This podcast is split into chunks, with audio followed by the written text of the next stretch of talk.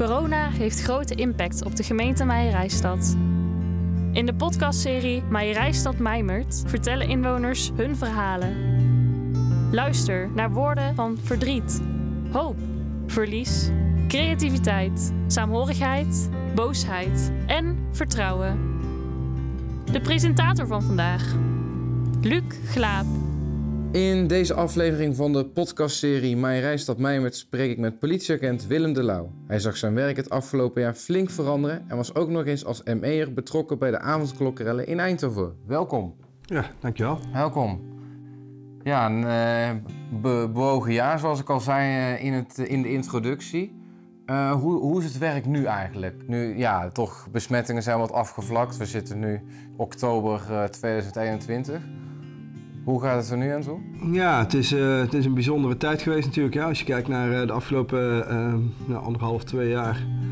waarin we natuurlijk van, vanuit mijn rol hè, bij de politie rondom evenementen en, en demonstraties hele grote evenementen draaiden. En ineens was dat voorbij.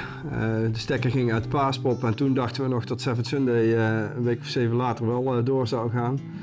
Nou, inmiddels weten we hoe dat is gelopen. En, hebben we heel lang stilgelegen in de evenementenwereld. Wat voor mij betekende dat ik andere dingen ben uh, gaan doen uh, binnen de politie. Uh, maar inmiddels zijn we ook wel weer terug op, uh, op de situatie dat we... Waren die andere dingen? Want uh, je behoort tot het basisteam, zeg maar. Dat veranderde ja. toen destijds helemaal? Ja, ja ik, ik heb, ik, ik, normaal gesproken draai ik alle grote evenementen in, in de voorbereiding en in de nafase. Um, en, en op het moment dat die evenementen gaande zijn, samen met de jongens die evenementen um, adviseren vanuit de, de, lokale teams. Maar als er geen evenementen zijn, ja, dan, dan krijg je andere rollen. Dus ik ben me um, gaan richten op onder andere openbare orde situaties een, een stukje uh, voorbereidend werk uh, voor, uh, voor een ander plan, wat, ja, wat niet echt interessant is hier om, om te noemen, zeg maar. Maar dus een hele andere tak van sport. En daarnaast ben ik me gaan richten op hulpofficier van justitie en officier van dienst van de politie. Toch een beetje een stukje toch je eigen ontwikkelen in die tijd. Dus ja, denk van, precies. ga niet een jaar stilzitten. Ja, ja. Want uh, je zei net al, evenementen, ja, die vielen dan heel erg weg. Maar er waren toch wel kleine illegale evenementjes, als je dat kan schatten, zoals feestjes. Werden jullie ook daarvoor opgeroepen om daar te komen nou, kijken? Nee, ik niet. De, de, lokale politie zal daar zeker uh, de handen vol aan hebben gehad. Hè. En, uh, en, die berichten waren er ook wel, zeker in de, in de periode dat de besmettingen iets terugliepen en de maatregelen nog van kracht waren. Maar inmiddels hebben we de grote evenementen weer opgestart. Alhoewel we aan het einde van het seizoen zitten. Hè. Afgelopen vorig weekend hebben we in Maaskantje het Mega Piraten Piratenfestijn gehad met 7000 bezoekers. En dan zie je dat mensen er ook wel echt weer aan toe zijn. Dus voor ons is dat altijd de laatste. En dan gaan we ons weer richten op uh, Paaspop 22. Ja, want wat is een beetje voor de mensen die dit beluisteren jullie rol in uh, zulke soort evenementen? Nou ja, mijn rol specifiek is uh, aan de voorkant betrokken zijn bij alle planvormingen. Dus alles toetsen of alles voldoet aan de veiligheid en en of we op die manier uh, een evenement uh, veilig kunnen organiseren. Samen met de organisator en, uh, en de gemeente en alle andere multipartijen. Want daar zijn echt heel veel partijen bij betrokken.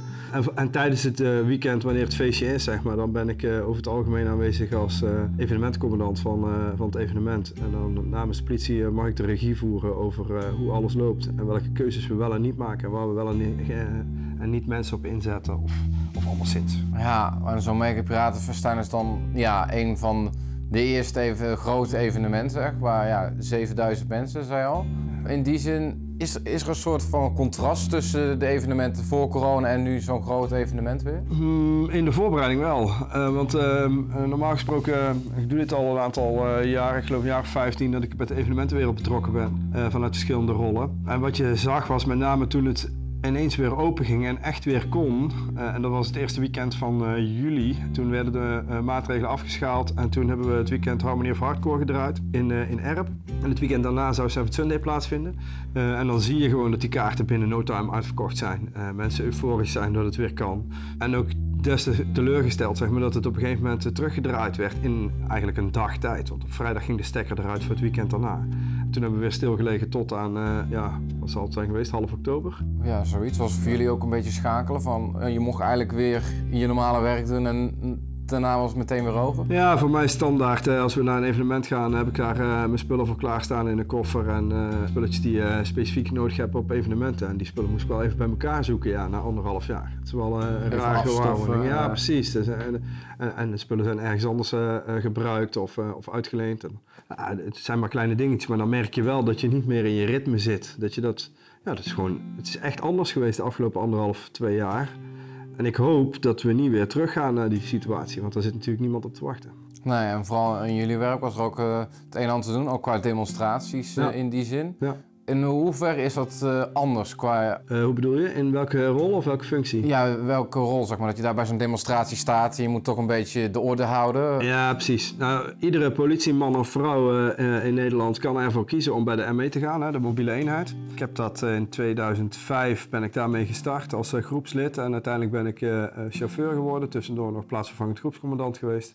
En tot nu zit ik nog steeds bij de ME als chauffeur van, de, van, de commandovoer, van het commandovoertuig. En vanuit die rol zeg maar, was ik ook uh, beschikbaar afgelopen winter voor, voor de rellen die er overal zijn geweest, of de ongeregeldheden, waar we van tevoren natuurlijk niet wisten dat het rellen zouden worden.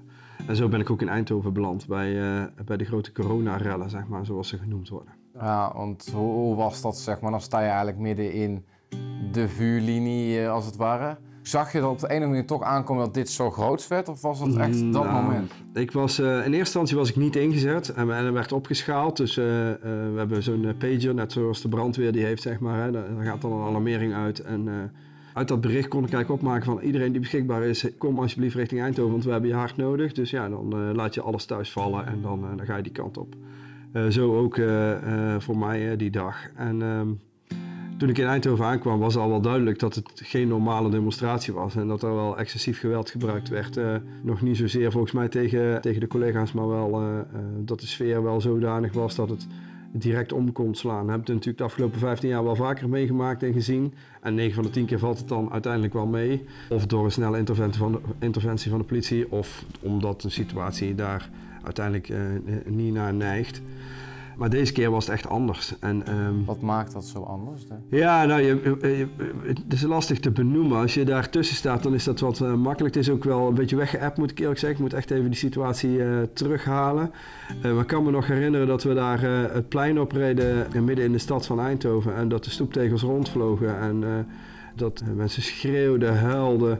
Uh, winkelruiten geplunderd werden en winkels dat, of, uh, ingeslagen werden en de winkels geplunderd werden, spullen werden weggehaald. Was dat een situatie die je in je, ja, je carrière als ME'er zeg maar, nog nooit had gezien? Nou, niet op die manier. Niet in deze, in deze heftigheid, zal ik maar zeggen. En de situatie toen was natuurlijk dat er al in het land al op verschillende plekken uh, was het al misgegaan, maar niet zodanig als, als er uiteindelijk is gebeurd. Hè. We hebben eerst Eindhoven gehad, een dag later was het in Den Bosch, daar stonden we dan ook weer met z'n allen. Uh, en uiteindelijk staan we er voor de taak om, uh, om de boel rustig te krijgen en degene die beschermen die we, die we moeten beschermen Want in de als samenleving. chauffeur zijnde, sta je dan daarna ook nog weer met zo'n schild in, in de, nee, in de linie? Nee, in principe blijf ik in de bus. Dus ik heb het persoonlijk niet zwaar gehad. Ik heb alleen alles heel goed kunnen zien. Hè. Ik, ik heb s'avonds nog een berichtje op Twitter gezet en uh, dat is toen viral gegaan. En om die reden is er heel veel media-aandacht gekomen ook. Uh, daar heb ik op een gegeven moment ook wel afgehouden. Maar een, van de mogelijkheden was om onder andere een interview te geven voor Radio 2. Dat heb ik toen live gedaan op de radio. Uh, en dat was eigenlijk mijn bedoeling om de achterkant van het uniform te laten zien. Uiteindelijk staan er allemaal mannen en vrouwen die gewoon gezinnetjes hebben thuis. En die aangevallen werden zeg maar, door hele grote groepen mensen en door uh, ja, heel veel uh, gooi- en smijtmateriaal. En uiteindelijk bleek dat er messen en uh, cobra's en alles is gegooid richting ons. Is dat lastig om dan als je dan s'avonds thuis komt Ja. dat te verwerken? Ja, ja, dat was lastig. Ik heb best wel veel gezien natuurlijk de afgelopen, wat is het, 22 jaar bij de politie, 20 jaar. Maar iedere situatie is anders en soms doen kleine dingen je heel veel en hele grote dingen minder. Maar ik heb hier, natuurlijk heb ik hier nog wel vaak over nagedacht. Ik heb ook nog wel verschillende keer gedacht van ja, wil ik dit nog wel? Maar van de andere kant denk ik ja, als wij het niet meer willen of niet meer doen, ja wie dan nog wel? Dus uh, uh, ik vind ook gewoon dat de maatschappij recht heeft op het feit dat je kan rekenen op de politie. En ik ben Ja. ooit bij de politie gegaan om die reden. Natuurlijk is er heel veel veranderd in de afgelopen uh, jaren. En het is echt niet meer zoals het vroeger was met het aantal uh, politiemensen. En we kunnen ook echt niet, lang niet meer alles doen wat we heel graag zouden willen doen. Maar als we er moeten zijn, dan moeten we er ook zijn. En dan moeten we er staan en dan moeten we de samenleving beschermen tegen het onheil wat op je afkomt. En ik, en ik zie intern hoe zwaar de werkdruk ook is, hè, dat iedereen er dan ook staat in die situaties. En dat is wel, dat is wel mooi om te zien hoor. Dan, dan krijg je ook wel, uh, ja, dan gaat je uh, bloed sneller van stromen, zou ik maar zeggen. Ja, die tweet ook. Je zei ook van ja, goh, er zit iemand achter het uniform. Voelde je met je collega's een beetje machteloos die uh, dag in uh, Eindhoven? Ja, ja. Uh, kijk, weet je, je, hebt, je, je, bent getraind en je doet je best om die situaties onder controle te krijgen. Maar als het zo excessief is en met zoveel geweld, dan moet je uiteindelijk ook kiezen voor je eigen veiligheid. En uiteindelijk hebben we natuurlijk ook nog wetgeving waar we ons aan moeten houden. Alhoewel sommige mensen denken dat, uh, dat we altijd wel alles maar uh, uh, kunnen doen. Ja, zo, zo, is het niet. Het is niet zo dat die zodanig beperkt is dat je niet kan optreden. Maar uiteindelijk gaat veiligheid voor jezelf gaat voorop en dan voor anderen.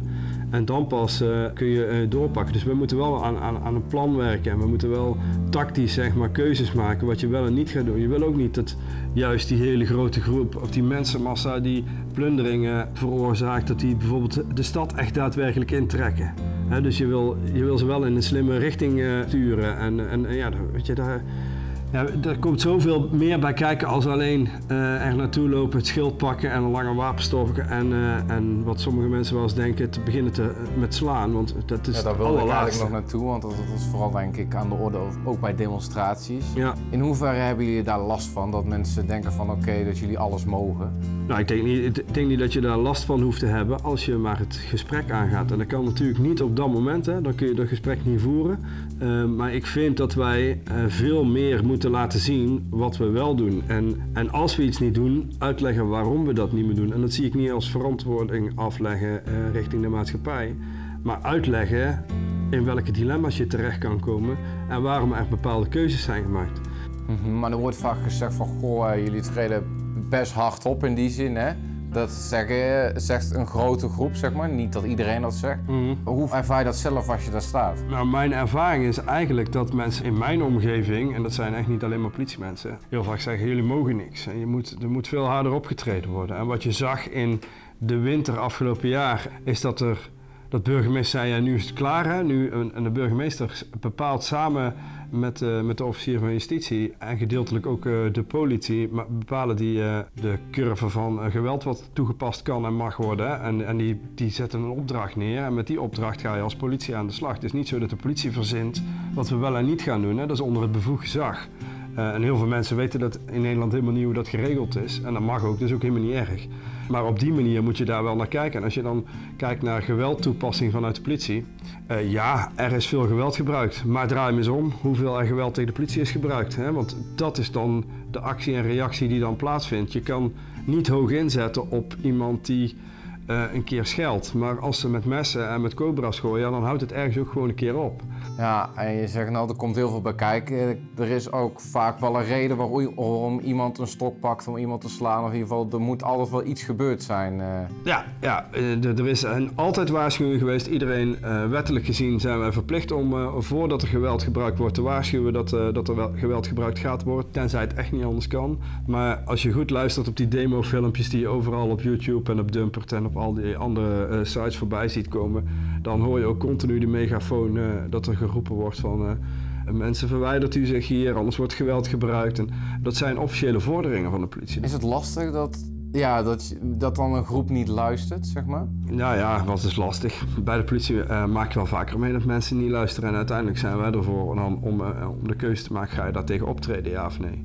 En die keuzes die, uh, die worden natuurlijk bestuurlijk en politiek worden die, worden die ook gemaakt. En daar heb je rekening mee te houden. Dus het is, het is veel meer als alleen uh, een busje komt aanrijden en ze stappen uit en ze gaan daar uh, de orde herstellen. Er zit veel meer omheen en achter. Dus weet je, het is goed om, denk ik, in dat brede geheel. Denk, ik denk dat het echt heel goed zou zijn voor Politie Nederland om nog meer te laten zien met welke dilemma's wij kampen en waarom we bepaalde keuzes maken om, op dingen die we doen, maar ook dingen die we juist niet doen. Dat zou denk ik veel meer begrip uh, geven. En, en, dat is lastig, want als, als organisatie, als politieorganisatie, hebben we natuurlijk uh, een vrij grote organisatie. Waar altijd wel dingen misgaan, net zo goed. En ik vind ook dat als dingen misgaan, moet je dat, dan moet je dat vertellen. Moet je daar openlijk over zijn. En moet je volgens mij ook daar waar het nodig is ook gewoon sorry kunnen zeggen. En dat is zoals in denk ik eigenlijk ieder bedrijf dat er wel eens iets misgaat. Ja, ja zeker. Ja.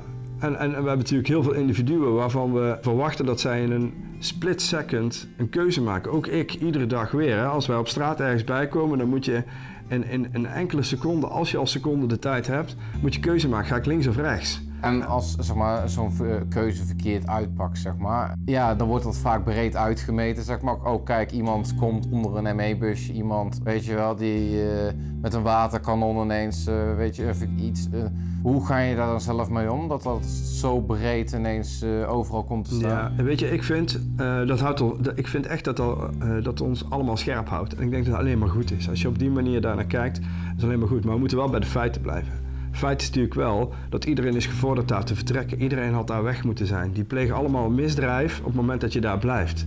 En de politie roept dat niet zomaar. Hè? Want er daar, is, daar is over nagedacht waarom mensen daar moeten vertrekken. Onder andere om de orde te kunnen handhaven. En er zijn natuurlijk eh, heel langslepende onderzoeken geweest. Er zijn heel veel camerabeelden zijn er, eh, bekeken. Er zijn ook eh, veel veroordelingen geweest, heb ik begrepen. Ik heb die zaak niet helemaal gevolgd, want ik moet eerlijk zeggen... Het is ook bijna niet te doen. Nou, dat, dat is één. En twee gaat het werk ook gewoon door. Hè. Dus op sommige dingen die, die, die hou je wel wat meer in de gaten als andere. Maar dit was zo groot en dat je ook blij bent als je het af kan sluiten. En gewoon weer lekker eh, vooruit kan kijken. Want dit zijn niet de dingen waar je op zit te wachten als politieman of vrouw. Nee, en het wordt ook heel vaak verkeerd begrepen wat je zegt ook net ook al van ja, weet je, mensen worden gevorderd hè, dat ze niet moeten vertrekken, dat ze hier niet hoeven te zijn. En ja, dat wordt vaak gewoon ook misplaatst of in een andere context geplaatst. Ja, maar ja, goed, het is natuurlijk, iedereen praat natuurlijk vanuit zijn eigen eh, overtuiging. En ik zeg niet dat dat fout is. Hè. Het is aan iedereen om daar zelf keuzes in te maken. Maar als je daar op een rustig moment naar kijkt en, eh, en, en er goed naar luistert naar wat daar allemaal gebeurt en die beelden analyseert, ja, dan zou je toch, als- als je daar goed naar kijkt, dan zou je volgens mij tot de conclusie kunnen komen dat je daar op dat moment gewoon niks te zoeken had. Ja. En dat geldt eigenlijk voor iedereen die daar op dat plein aanwezig was. Eh, heb je dan ook het idee dat de- die mensen die daar staan, zeg maar, dat, dat veel binnen zitten, niet veel mogen, dat het op een gegeven moment tot een uitbarsting kwam eh, die paar keren? Nou, wat je zag is dat de samenleving, ehm, en dan komen we eigenlijk een beetje in de buurt van mijn Rijstad, hè, dat de samenleving eh, angst ontwikkelde.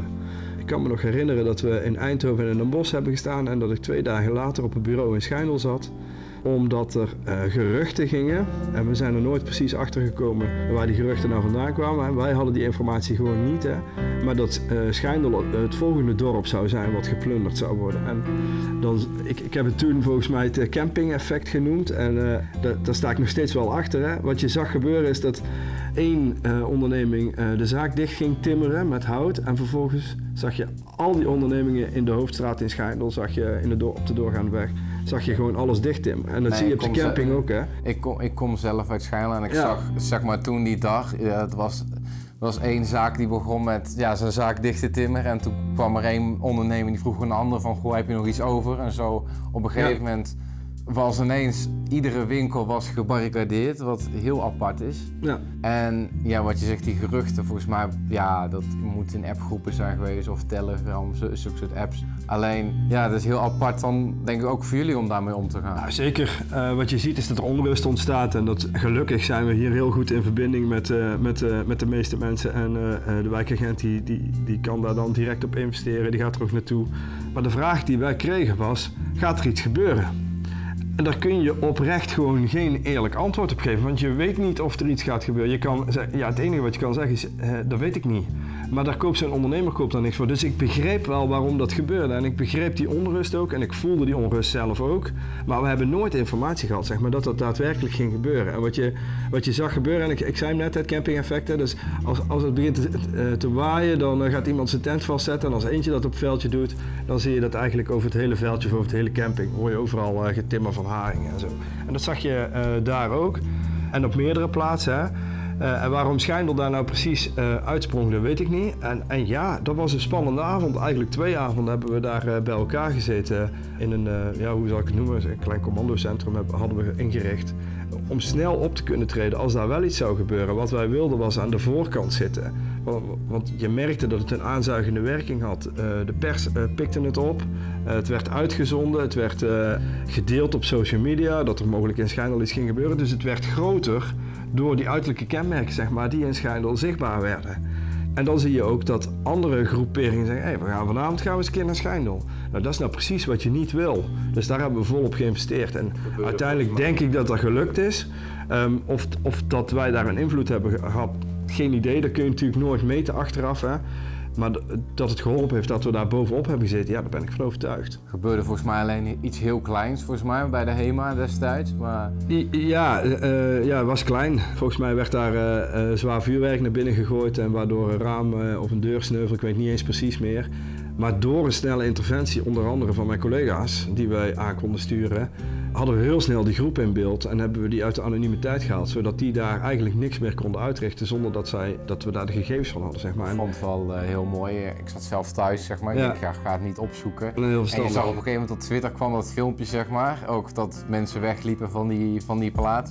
En het, het, mooie was ook in, ineens uh, las je overal van naar een of andere aanslag, explosief, terwijl het volgens mij iets heel kleins was uiteindelijk. Ja, het, wordt dan uit, het kan uit zijn verband worden getrokken, natuurlijk ook om de situatie waar in zit. Maar, wat ons ook gigantisch heeft geholpen toen, was dat ondernemers zeg maar, uh, in die straat uh, een front vormden. En dat we samen konden werken met elkaar tegen het, ja, noem het maar even tussen aanhalingstekens, onheil wat op ons afkwam. En daarin zag je dat ook zeg maar midden tussenin, uh, zodat ik onderbreek? Ja, nee, ja, wij, wij, wij zijn daar continu geweest. Uh, zichtbaar en, en ook niet zichtbaar. We hadden ook camera's hangen, dus we hadden echt wel beeld van, van het centrum. wij wisten ook dat ondernemers hun onderneming wilden beschermen. En dat begrepen is, we Is het al raar dat er bij drie uur niks gebeurt, zeg maar? Dat iedereen daar staat voor zijn zaak en er eigenlijk niets gebeurt? Nou ja, ik was er heel blij mee dat er uiteindelijk eh, nagenoeg niks is gebeurd. Maar dat komt ook omdat we stopgesprekken hebben gevoerd. Mensen die op social media uitlatingen deden, zijn we aan de deur geweest. Het waren vooral jongere jeugd, hè, 15, 16, zat volgens mij een 14-jarige bij zelfs eh, uit de omgeving. 17, 18. En uh, daar zijn we aan de deur geweest met de wijkagent. En dan hebben we, hebben serieuze gesprekken gevoerd. En die hebben echt een hele indringende waarschuwing gekregen om thuis te blijven. En zo niet dat we anders heel snel en heel hard zouden optreden. En uh, vervolgens zag je die social media berichten verdwijnen, zeg maar, van, van diegenen die dat deden. En ook niet meer gedeeld worden. Dus dan zag je hem op een gegeven moment zag je een kentering komen dat kleiner werd. En ik denk dat daar de winst heeft gezeten aan de voorkant. En als je, had je misschien wel dezelfde situatie gehad als in Eindhoven, uh, in Schijn. En dat moet je gewoon niet willen. Zoiets moet je echt gewoon, als je dat kan voorkomen aan de voorkant, dat is, dat is beter dan wat dan ook. Ja, je zei net al, ook ja, veel filmpjes tegenwoordig ook. Ja. Uh, je wordt ook vaak gefilmd als je aan het werk bent, als een meer of uh, als je ergens ja. staat te posten. Uh, wat voor invloed heeft dat eigenlijk op jullie werk, dat je constant eigenlijk in beeld bent? Ja, dat is afhankelijk van je rol natuurlijk. Hè. Als je ergens onopvallend aan het werk bent, dan is dat natuurlijk vervelender dan dat je gewoon zichtbaar aanwezig bent als politieman of vrouw. Andersom is het niet anders. Wij hebben ook bodycams inmiddels en wij filmen ook alles uh, daar waar het uh, moet of kan. En dat wordt inmiddels... Maakt het, zeg maar, maakt het niet lastig, moeilijker dan een paar jaar terug? Ja. Dat iemand zo met een, ik doe het heel even voor voor de mensen die luisteren, met een, ja, een klein cameraatje voor je staan en je een vraag stellen waar je eigenlijk denkt van ja, hier kan ik toch geen goed antwoord in hun mening op geven? Nou ja, soms is dat lastig, maar van de andere kant denk ik ja, vraag staat vrij. En als ik vind dat die, dat die persoon op dat moment in de weg staat of te dichtbij staat of in de wegloopt, dan kun je dat gewoon zeggen. En ja, je, soms is het gewoon heel vervelend. we maken het ook mee als je bij wijze spreken bij een reanimatie uh, staat of bij een ernstige aanrijding. Dat mensen filmpjes maken, foto's maken, uh, die dan op social media komen. Maar ja, Weet je, we hebben daar volgens mij al genoeg uh, over laten weten. Doe dat vooral niet, want uh, als het een dierbare van jou is die daarbij uh, bij betrokken is, dan wil je ook niet dat die filmpjes rondgaan op internet. Maar ik denk dat jij meer doelt op politieoptreden wat gefilmd wordt. Ja. En, wat... Bijvoorbeeld bij demonstraties. Ja, precies. Mensen, nou ja, goed. Steeds grotere groepen. Ja, ook. Ja, maar ja, dat is al jaren. En weet je, je mag gewoon filmen. maar je moet zorgen dat je één niet in de weg loopt en twee moeten wij daar professioneel mee omgaan. Is het lastig om daar professioneel ja, Want ik snap ook wel eens dat je denkt van, goh, ik stap met mijn verkeerde been naar bed, ik sta daar eh, omdat ik er moet staan, omdat, ik, ja, dat het een beroep is. En dan stelt iemand ja, een hele aparte vraag of een, een vraag waar ik denk van ja, eigenlijk het antwoord wat ik ga geven is niet, val, valt niet goed bij diegene. Ja, dat kan. Maar weet je, als je een vraag stelt, weet je dat je ook antwoord gaat, kunt, kunt krijgen. En, en die mensen die dat vragen, die, die, want over het algemeen zijn dat mensen van de pers. Eh, daar hebben we een prima relatie mee. Zeker hier lokaal. Dan, dan, gebeurt hetzelfde of nooit. Of je geeft naar de hand, geef je even de ruimte om uh, wat vragen te beantwoorden of uh, foto's te maken, wat dan ook. Maar ik bedoel echt bij demonstraties. Dat is niet alleen de pers, er zijn ook mensen die, ja, die ja. toch wat anders naar de maatregelen kijken. Ja. Of niet in een hoekje drukken. Ik nou ja, weet je, bij noemen, als je in, nee, snap ik. Maar als je in de situatie uh, zit, zeg maar, dat je gefilmd wordt eh, en, dan worden vragen gesteld, dan, dan, daar kun je op antwoorden of kun je niet doen. Hè. Daar moet je over nadenken vanuit je rol dat je daar aanwezig bent. En dat geldt voor iedereen, hè, welk, eh, welk werk dat je ook doet. Maar het wil niet zeggen dat de situatie waarin ik sta, dat ik het daarmee eens ben. Als ik iets moet beschermen of uit moet voeren, wil niet zeggen dat ik daar als persoon volledig mee eens ben. Maar dat wil, weet je, vanuit die rol kun je dan ook niet je persoonlijke mening daarin leggen. Want je hebt gewoon een taak vanuit de politie, eh, die bepaald is door het bevoegd gezag, en die heb je uit te voeren. Uh, dus soms botst dat ook wel met je eigen geweten, zeker. Dat is, dat is wel lastig, maar ja, ik denk dat iedere beroepsgroep of tak van sport dat wel heeft, dat je uh, soms dingen doet waar je als persoon misschien niet helemaal mee eens bent of niet helemaal achter staat. Maar ja, het hoort er ook gewoon bij. Is dat lastig soms? Komt thuis en mensen in je omgeving zien die filmpjes en laten zien aan jou. Kun je dan wel makkelijk uitleg geven erover? Ja, soms. Soms, soms natuurlijk ook niet. Uh, en heel vaak zie je dat er filmpjes ontstaan waarin het, de aanleiding zeg maar, er niet op staat, alleen de reactie vanuit de politie. Ja, weet je, ik heb dat eerst altijd met hand en tand verdedigd. Maar er komt ook een moment zeg dat je daar één klaar mee bent en twee ook wel beseft van luister, het kan best zijn dat er, dat er ook een situatie bij zit waarin het inderdaad te ver ging of waarin er inderdaad fouten zijn gemaakt. Dat kan. Maar ben dan ook gewoon, zoals ik net ook al zei, volgens mij moet er dan ook ruimte zijn om het gesprek aan te gaan en ook aan te geven. Luister, ik heb mijn meelijst, is mij ook wel eens gebeurd. Dat ik iemand uh, had aangepakt en dat ik denk van ja, uh, had dat nou niet op een andere manier gekund? Nou ja, op dat moment uh, maak je die keuze in een split second om het zo te doen. En achteraf is natuurlijk makkelijk, makkelijk beoordelen of het anders had gekund. ja, ik, ik, voel me daar ook niet te groot voor om dan te zeggen van god, dat hadden we zo niet moeten doen. Hoe zoek je dan toch thuis de afleiding als je terugkomt van een demonstratie, van een avondklok, ja. ruil, ja, ingrepen? Het zijn, waren wel hele rare weken hoor, die tijd. Wat, we draaiden diensten van 16, 17 uur ja, afleiding. Uh, je was blij als je even kon, uh, kon slapen. Ik heb natuurlijk ook gewoon een jong gezin en, uh, en thuis vraagt ook het een en ander van je. In die tijd waren de scholen grotendeels ook nog dicht. dus de kinderen waren gewoon thuis. Ja, het is heel lastig om dan die afleiding, maar met, met, twee jonge kinderen heb je al heel snel afleiding als je thuis komt als je heel lang weg bent geweest. Dus, is dat geluk aan de ene kant? Ja, tuurlijk, dat speelt wel mee. maar dan besef je ook wel weer van, god, hey, waarom doe ik dit? Want ik wil uiteindelijk wel heel thuis komen. En Nee, ik, heb zelden meegemaakt wat we in Eindhoven hebben meegemaakt. En nee, ik stond niet voorop. Hè. Maar de jongens en meiden die daar wel voorop stonden, die hebben ook gezinnetjes. En, en dan is hij wat mij betreft ook meteen rond. Hè, want eh, daar zit hij, uiteindelijk is het gewoon werk. En ik doe het met passie, al heel lang. En ik hoop nog heel lang. En ik hoop ook heel snel weer richting uh, dat we door kunnen gaan met de evenementen zoals we daar ooit uh, mee bezig waren. Hè. In 2019, 2020, uh, net voordat de crisis begon. Zie je het nog terugkomen, zeg maar, zulke extra ja, demonstraties? Nou, ik heb daar wel eens, ik heb daar zeker aan nou, de, de, demonstraties of de evenementen? Nee, maar demonstraties, zeg maar, we hebben er heel veel gehad, zeg maar, hele grote. Ja. En ook rellen, ja, zie je dat nog terugkomen, Ik vind het heel moeilijk om te beoordelen. Ik hoop van niet. maar ieder jaar denk ik weer zo, nou staan we in deze situatie en volgend jaar weet je niet waar je staat. Ik, ik, weet je, ik hoop dat we als samenleving zodanig beschermd zijn zometeen, of nu eigenlijk al, dat we die grote uh, pieken van besmettingen kunnen voorkomen, zodat de zorg niet overbelast raakt. Want uiteindelijk draait het daar uh, om, dat die zorg gewoon door kan draaien. En als daar maatregelen voor nodig zijn, ja, ik ben ervan overtuigd dat er alleen maatregelen genomen worden uh, die echt nodig zijn. Maar dat, dat, is mijn persoonlijke mening. En ik weet ook dat ook in mijn directe omgeving er mensen anders over denken. En dat mag. Uh, maar ga erover in gesprek. Het kan niet zo zijn dat we dat oplossen met geweld. Want volgens mij uh, lost geweld nooit iets op. Dat vind ik een hele mooie om met te eindigen. Ja. Dan gaan we dit gesprek wat we aangegaan ook daarmee afsluiten. Ja, mooi, dankjewel.